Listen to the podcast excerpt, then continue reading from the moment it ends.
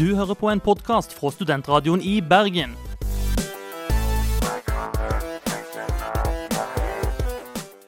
Denne og mange andre flotte podkaster finner du på podkast.srib.no.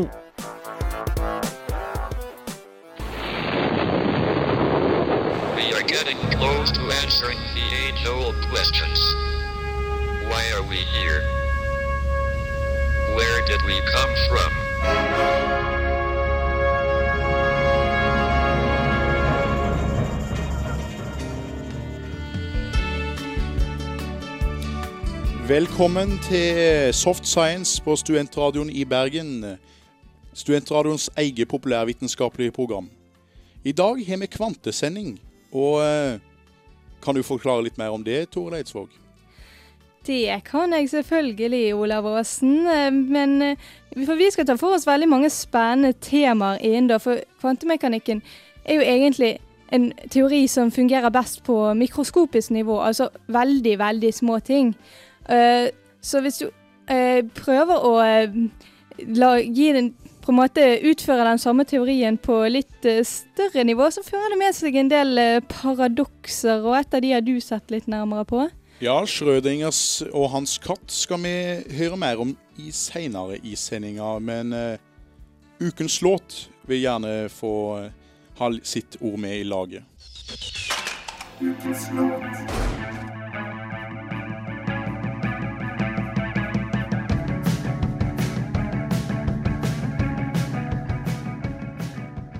Ja, kvantefysikk det er jo et tema jeg personlig har usedvanlig lite greie på. Men eh, du har jo bachelor i fysikk, eh, Toril. Eh, Kan du snakke litt om det innslaget du har tenkt å gi oss? Ja, nå er vel egentlig det innslaget jeg har, tar for seg litt om hvorfor kvantemekanikken oppsto i første omgang. Fordi at eh, det var jo sånn at på slutten av 1800-tallet så trodde man egentlig at nei, nå har vi funnet ut det meste som er å finne ut i fysikkens verden.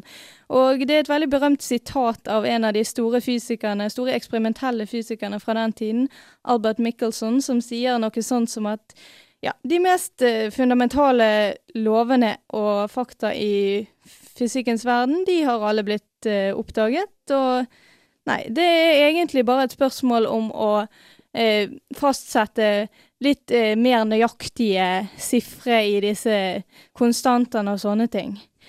Det skulle da vise seg å slå litt feil, og det skal vi høre litt mer om. Ja, det skal jeg glede meg til å høre mer om. En ny vitenskapelig sannhet triumferer ikke ved å overbevise motstanderne og få de til å se lyset, men ved at motstanderne til slutt dør og en ny generasjon som er kjent med teorien, vokser opp. Dette skrev den tyske fysikeren Max Planck mot slutten av sitt lange liv. Han visste hva han snakket om. Mange år tidligere hadde han vært med på å legge et grunnlag for en fundamentalt ny teori innenfor fysikken.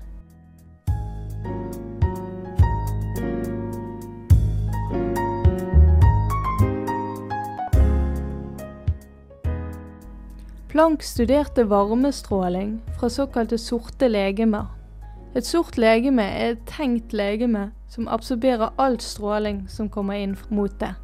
Når et sort legeme blir varmet opp, sender det ut et temperaturavhengig spektrum av lys. Når legemet er kaldt, sender det ut infrarød stråling. Men etter hvert som temperaturen økes, sender legemet ut synlig lys og endrer farge. For å løse problemet med å finne en matematisk beskrivelse for slik stråling, så Planck seg nødt til å anta at energien til strålingen måtte være kvantisert. Det vil si at energien bare kan ta visse, diskrete verdier som er avhengige av frekvensen. For å få det hele til å gå opp, innførte Planck, i ren desperasjon som han sjøl beskrev det, en konstant som seinere har fått navnet Plancks konstant.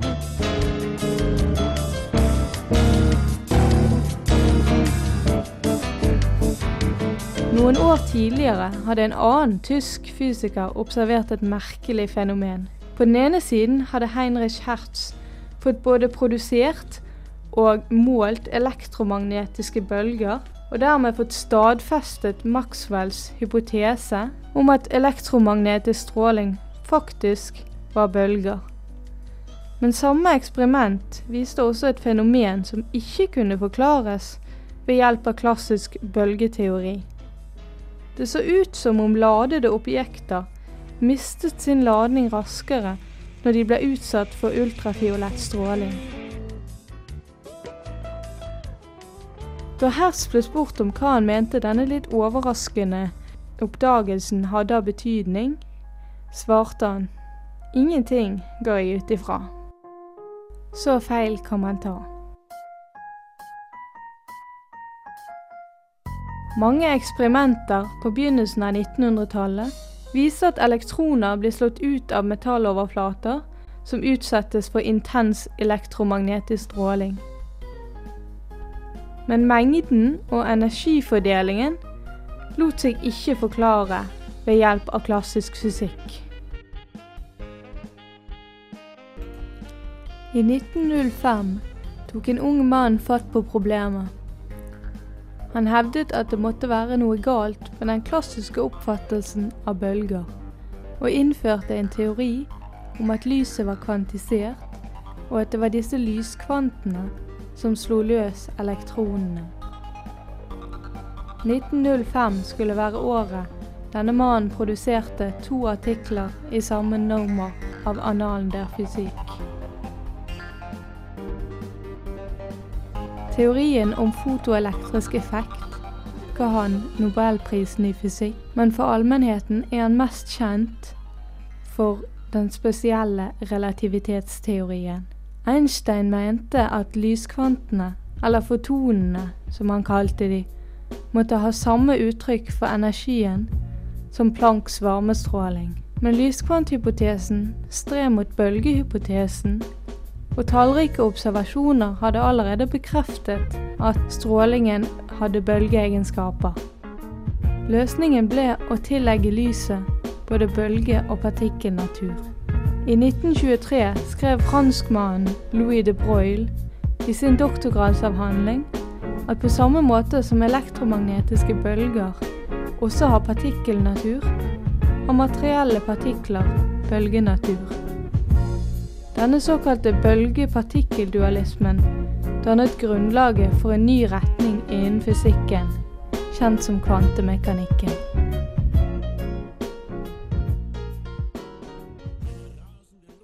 Det var du det, Tore Eidsvåg. Um, hvordan er du fornøyd med innslaget?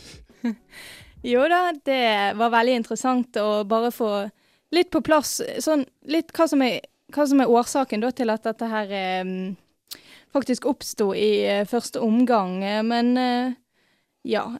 Så det var mye som var uvisst, og det kan på en måte bringe oss over på neste sak. Så, neste sang, faktisk. 'So Much In The Dark'.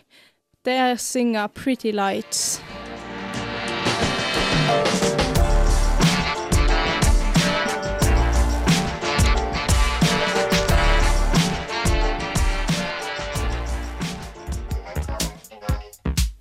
Du hører på Studentradioen i Bergen.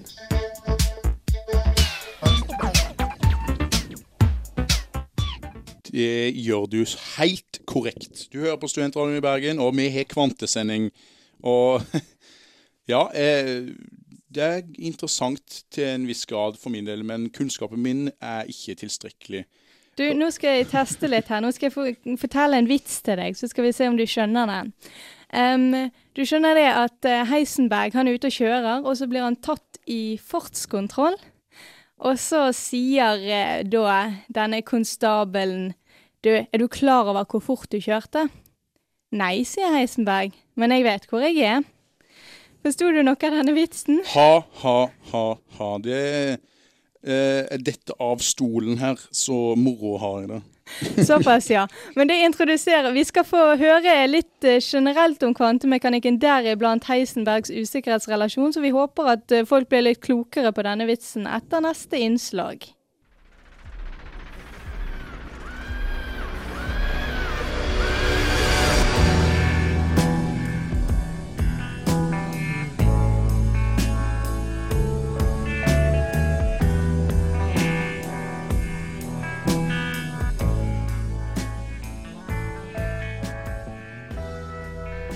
Kvantefysikk handler først og fremst om de minste og aller mest grunnleggende ingrediensene i universet, som vi kaller elementærpartiklene. Herunder hører elektroner, positroner, nøytrinoer, kvarker og mange andre vanskelige navn. Noen ganger er det nyttig å tenke på elementærpartikler som materie, og noen ganger som bølger.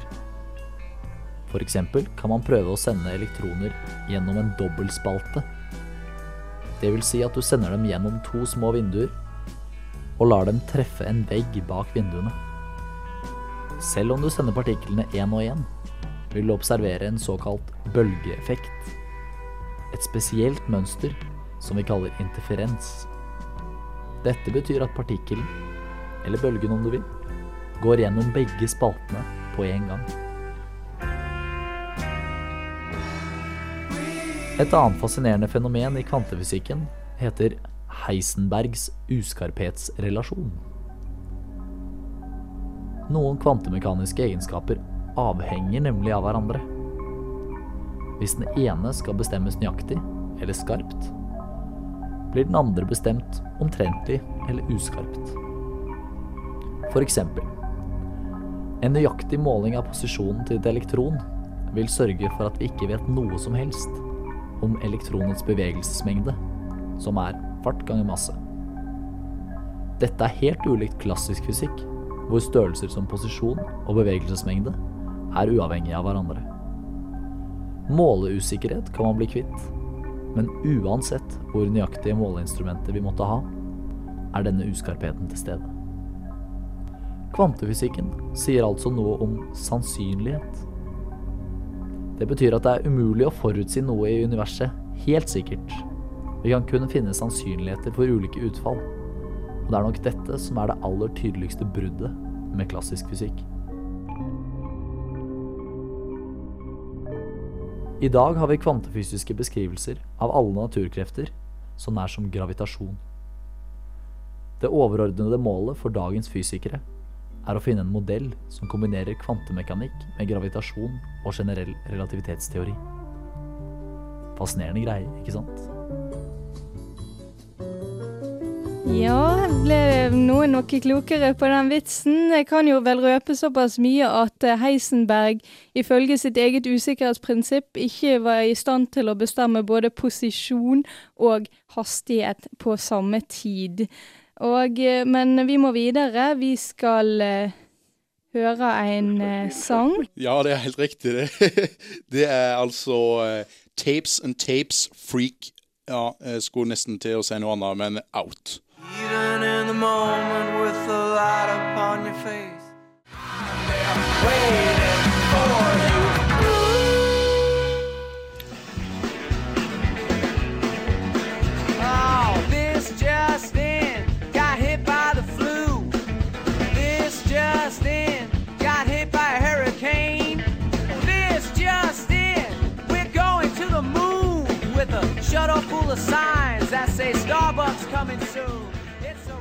Nå er det nyheter, og eh, jeg har lest noe som jeg er ikke overraska over, samtidig som det var godt å få det bekrefta. Det høres interessant ut.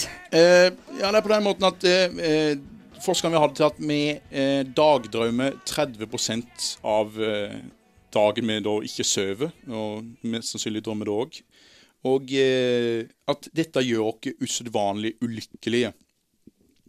Det er en amerikansk eh, forsker med Harvard som eh, har eh, forska på en slik måte at han har laga en sånn iPhone-app der folk som ja, gidder å laste opp den, kan sende inn sin hvordan humøret deres er. Og, og på bakgrunn av det, da, så har han funnet ut at folk blir i dårlig humør av å drømme om dagen. Så folk dagdrømmer om litt sånn deprimerende temaer, da? Eh, nei, det er det som er litt rart. for at Du skulle tro at eh, når, Hvis folk er deppa og tenker på det, så blir jo, er de jo selvsagt triste. Men de blir òg triste av å tenke på positive ting. Såpass, ja. Så det, det er jo det er jo liksom ikke så mye å gjøre med det, da, på en måte. Men eh, Ja, nei, altså det Man bør rett og slett eh, komme seg ut blant folk og la være å sitte hjemme og Ja, for det Styre. gamle, det gamle ordtøket om eh, at en skal leve i nuet, virker jo som eh, er helt korrekt. Ja, det vil jeg nå tro på. Men eh, de, de kan jo også prøve å bli i godt humør av å høre på litt eh, musikk. Eh, Det har jo alltid hjulpet mange. Og nå er det nemlig sånn at eh, det er 20 fysikere på, hos eh, Large Hadron Collider som eh, eh, har begynt å produsere egen musikk, faktisk. Så Man tenker jo ikke alltid at uh, fysikere er gode musikere også, men det, det finnes tydeligvis. De eh. bør, de bør jo ha peiling på akustikk. Ja, sant. Akkurat, ja. Nei, for uh, Men de har også faktisk sin egen eh, Sitt eget plateselskap, da, og det har fått navnet Neutralino Records. Eh, det er altså eh, oppkalt etter en eh, subatomisk partikkel. En hypotetisk subatomisk partikkel, faktisk. Det sier, det sier meg jo ingenting. Men, Nei, nei, men det er et navn da på en partikkel som de ikke eksisterer annet enn i hypoteser, da, tydeligvis. Ja, det er mulig vi skal kanskje Ja, eh, vil, jeg tenkte vi Ja, vil du høre litt på dette her? For det var egentlig ganske morsomt. Altså, eh, når vi har snakka så mye om det, så kan vi jo ikke gjøre noe annet. Nei. Vi får høre The Atlas Boogie. The she's running now, Atlas, you're my home. I've been working all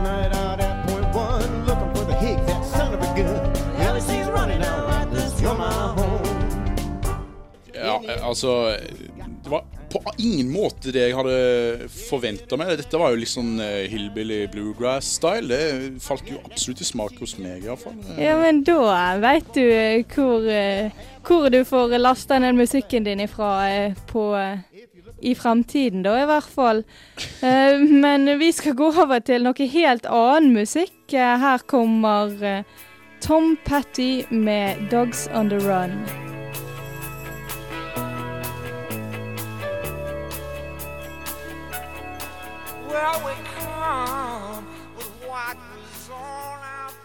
Episk eh, Heartland rock der for Tom Petty and Dogs on a Run, og for Dogs til Cats. Ja, har du noen gang hørt eh, uttrykket 'curiosity killed the cat'? Eh, muligens. Ja, Det er i hvert fall et ganske gammelt uttrykk, men jeg syns det passet egentlig ganske bra med det du har tenkt å ta for deg. For hvis du blir eh, litt for nysgjerrig, så kan du faktisk risikere å drepe katten, eller hva, Olav?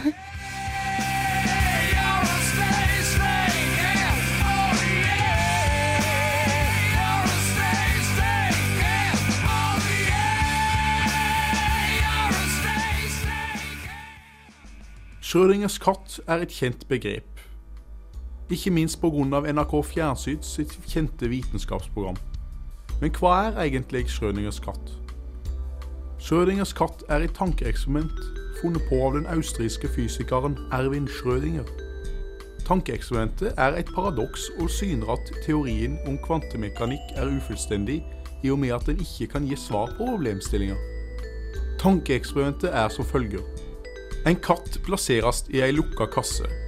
I forbindelse med kassa er det et apparat med en radioaktiv kilde som med en sannsynlighet på 50 kommer til å sende ut en partikkel i løpet av én time. Partikkelen utløser i så fall en mekanisme som sender giftgass inn til katten slik at den dør. Teorien om kvantemekanikk sier at partikkelen både eksisterer og ikke eksisterer på én gang og den er i en såkalt superposisjon. Dette skulle i så fall bety at katten teoretisk sett er både levende og død. Men ved å åpne kassen kan en bare observere én av de to tilstandene, ikke begge samtidig. Det er ennå ikke observert noen katt eller noen på den størrelsen i en slik superposisjon at den er død og levende på en gang. Schrødinger mente ikke at det skulle finnes en katt som var både død og levende. Hans innvending mot kvantemekanikken var at den ikke kunne forutsi når den radioaktive superposisjonen ville bryte sammen, og partikkelen ville gå over til å være enten eksisterende eller ikke-eksisterende. Kvantemekanikken kan for øvrig ikke brukes på store ting som katter, men er forbeholdt partikler, atomer og i ytterste grad molekyler. I 1996 tok et fransk forskerteam i Paris et langt steg videre i gåten om Schrødingers katt. De foreslo å lurekikke på katten uten å løfte av lokket på boksen, ved å føre inn det subatomare motstykket til ei mus foran nåsa på katten, for å se hva som hendte. Teamet brukte ei atommus for å se om en elektromagnetisk Schrødingers katt både er død og levende. Resultatene indikerer at brua til kvantevirkeligheten er mulig å bygge. Katten og musa de foreslår å bruke, er virkelige atomer. Boksen som katten er fanga i, består av et centimeterstort hullrom med speilvegger laga av superledere. I boksen settes opp et svakt mikrobølgefelt, så sendes det et spesielt preparert atom gjennom boksen, og atomet og mikrobølgene går inn i en kvantemekanisk blandingstilstand. Dermed er katten kommet i boksen. Et andre atom som følger etter, atommusa, vil være sin bane gjennom kassen til katta, kunne fortelle oss om situasjonen til kvantesuperposisjonen. Dette eksperimentet har vist at det opptrer en kvantemekanisk superposisjon for dette systemet som riktignok ikke er så stort som en katt, men likevel større enn et vanlig atomartsystem.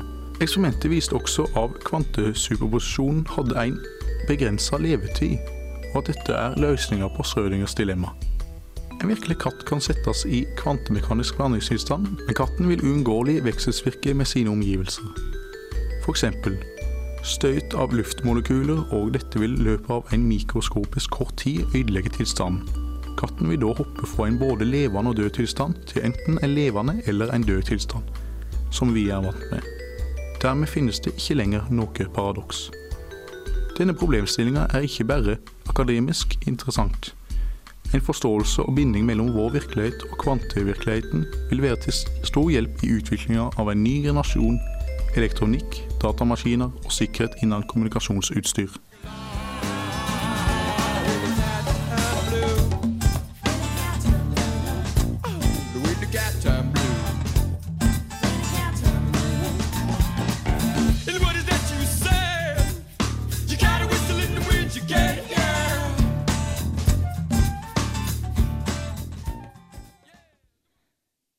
Du det, Olav, som hadde sett litt på dette her eh, kanskje mest berømte av de alle paradoksene, nemlig Schrødingers katt.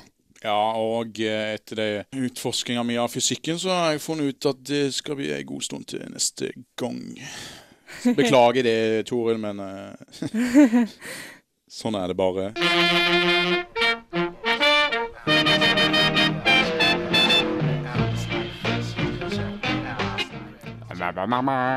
La, la, la, la, la. Unnskyld. Soft science om vitenskap og sånn. Og hvis vi ikke vet hva vi snakker om, så sier vi i hvert fall unnskyld.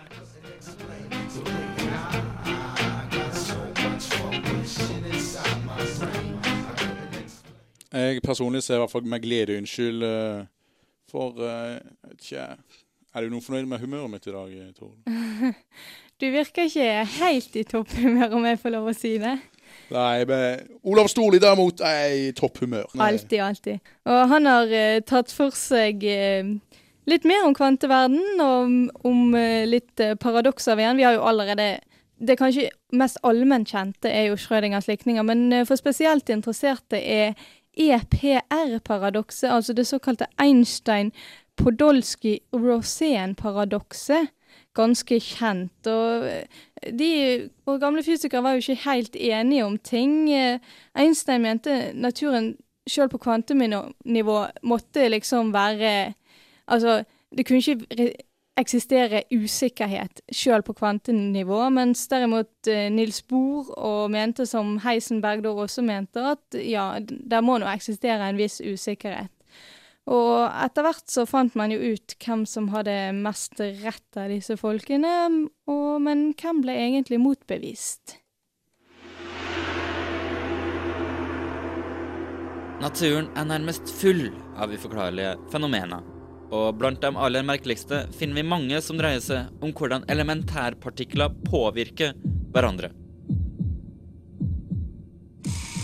Det kan f.eks. skje at en knøttliten partikkel, som et pion, sender ut to fotoner i motsatte retninger.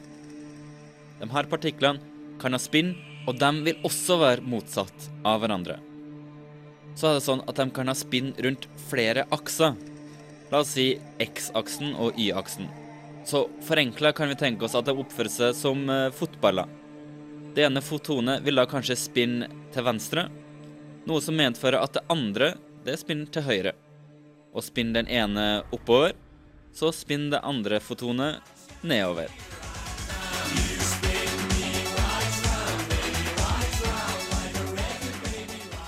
Måler vi da det ene fotonet og ser at det spinner nettopp til venstre, da vet vi jo som sagt at det andre det vil spinne til høyre.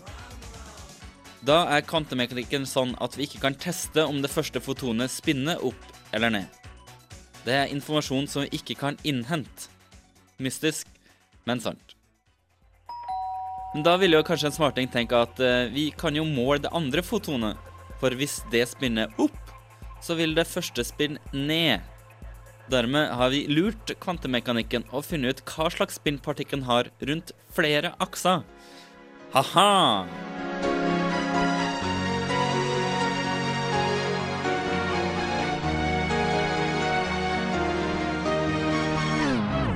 Men nei da.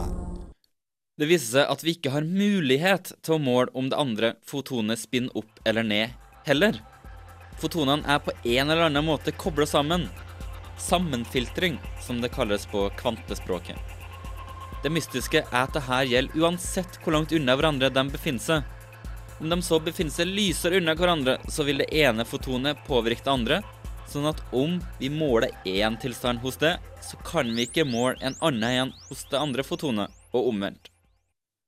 Og det vil egentlig si at det går en beskjed fra den ene partikken til den andre, på et øyeblikk, uendelig raskt. Det er noe som bryter med den spesielle relativitetsteorien og alt vi egentlig vet om verden, som sier at ingenting kan bevege seg raskere enn lysets hastighet. Einstein eksempel, mente dermed at det her måtte være feil. Det var et paradoks. Det her ble testa ut i 1982 av Alan Aspect, og i avstander på 100 km så viste det seg å stemme. Einstein tok nærmere feil, mens Bohr hadde rett i at vi ikke kunne forutsi alt. At vi først vet nå når vi måler det, og at det da vil påvirke andre sammenfiltra partikler. Totalt ulogisk, men det viser seg å funke.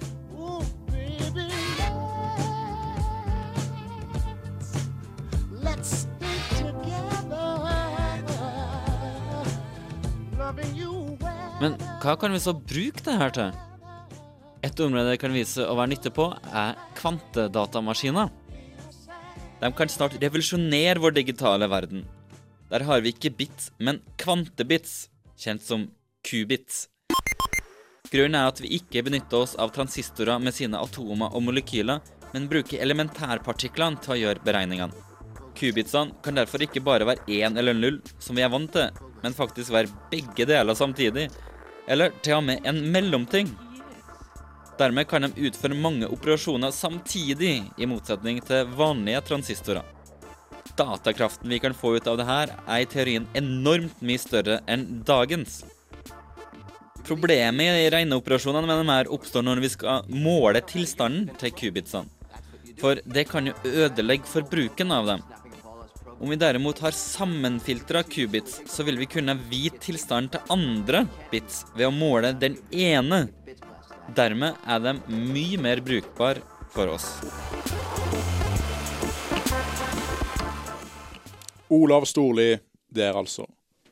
Foreløpig har en ikke kommet så langt, eh, og noen frykter at vi ikke har kommet særlig lenger om 25 år heller.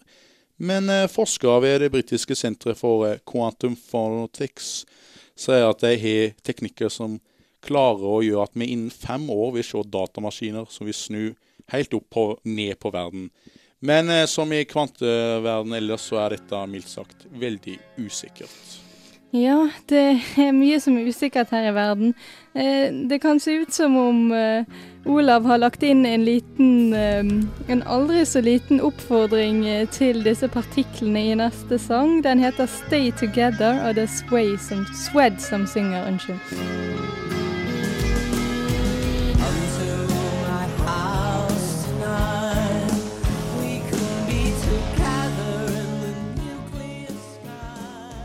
Vi skal eh, holde oss til eh, kvanter. eh, Og kvantemekanikken har gitt oss en del ny teknologi. Det er jo særlig der vi har fått bruk for ganske mye. Og blant annet elektronmikroskoper. Og de er ganske mye bedre til å forstørre enn et vanlig lyktsmikroskop. Men hvorfor er det slik, da?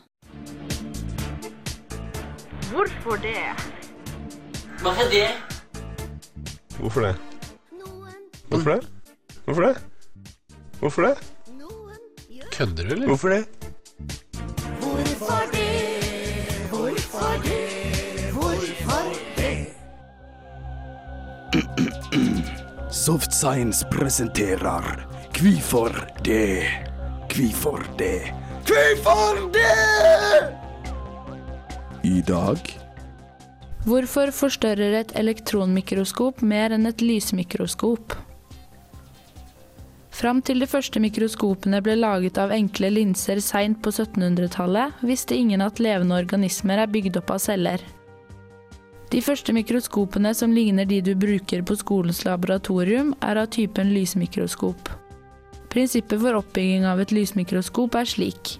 Et lysmikroskop virker ved at lyset passerer en linse som samler lysstrålene. Deretter går det gjennom et tynt objekt, et preparat. Bildet går videre gjennom forstørrende linser i objektivet og okularet, og treffer til slutt øyet ditt. Et lysmikroskop kan forstørre inntil 1000 ganger, men de fleste skolemikroskoper forstørrer 400-500 ganger.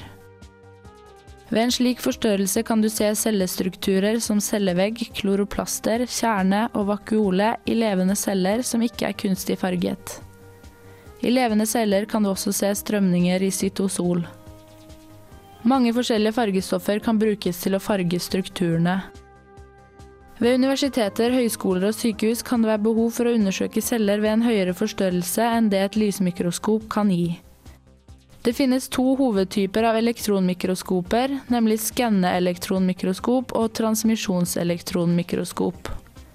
Begge disse typene kan forstørre inntil 10 000 ganger og har en oppbygging basert på omtrent de samme prinsippene som et lysmikroskop. Den viktigste forskjellen er at lysmikroskop baserer seg på lys, mens elektronmikroskop sender elektroner gjennom preparatet. Elektronene kommer fra en elektronkilde, metallet volfram. I et elektronmikroskop blir bildet fanget opp på en skjerm, ikke direkte i øyet, og bildet kan deretter overføres til et fotoapparat.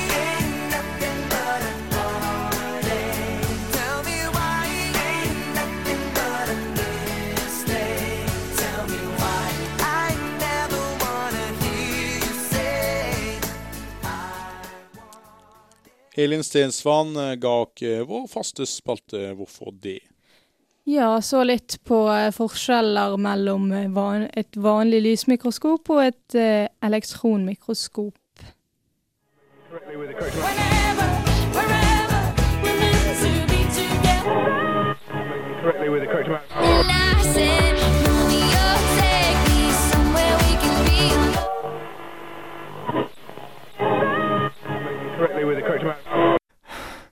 Nei, jeg orker ikke mer. Det er for jævlig. Vær så snill, kan ikke du bare skyte meg? OK, er du klar? Ok, Bare, bare gjør det. Studentradio Nei, vent! Vent! Hør. Ah, studentradioen.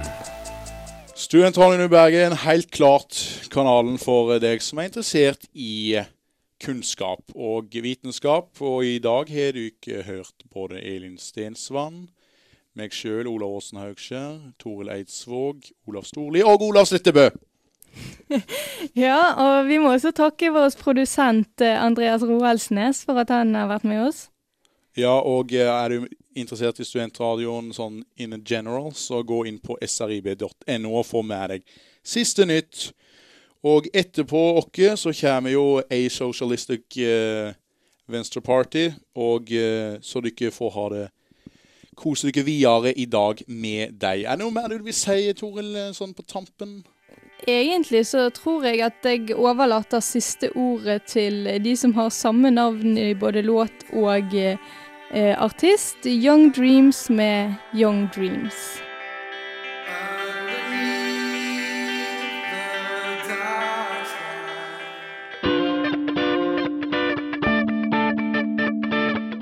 Du hører på en podkast fra Studentradioen i Bergen.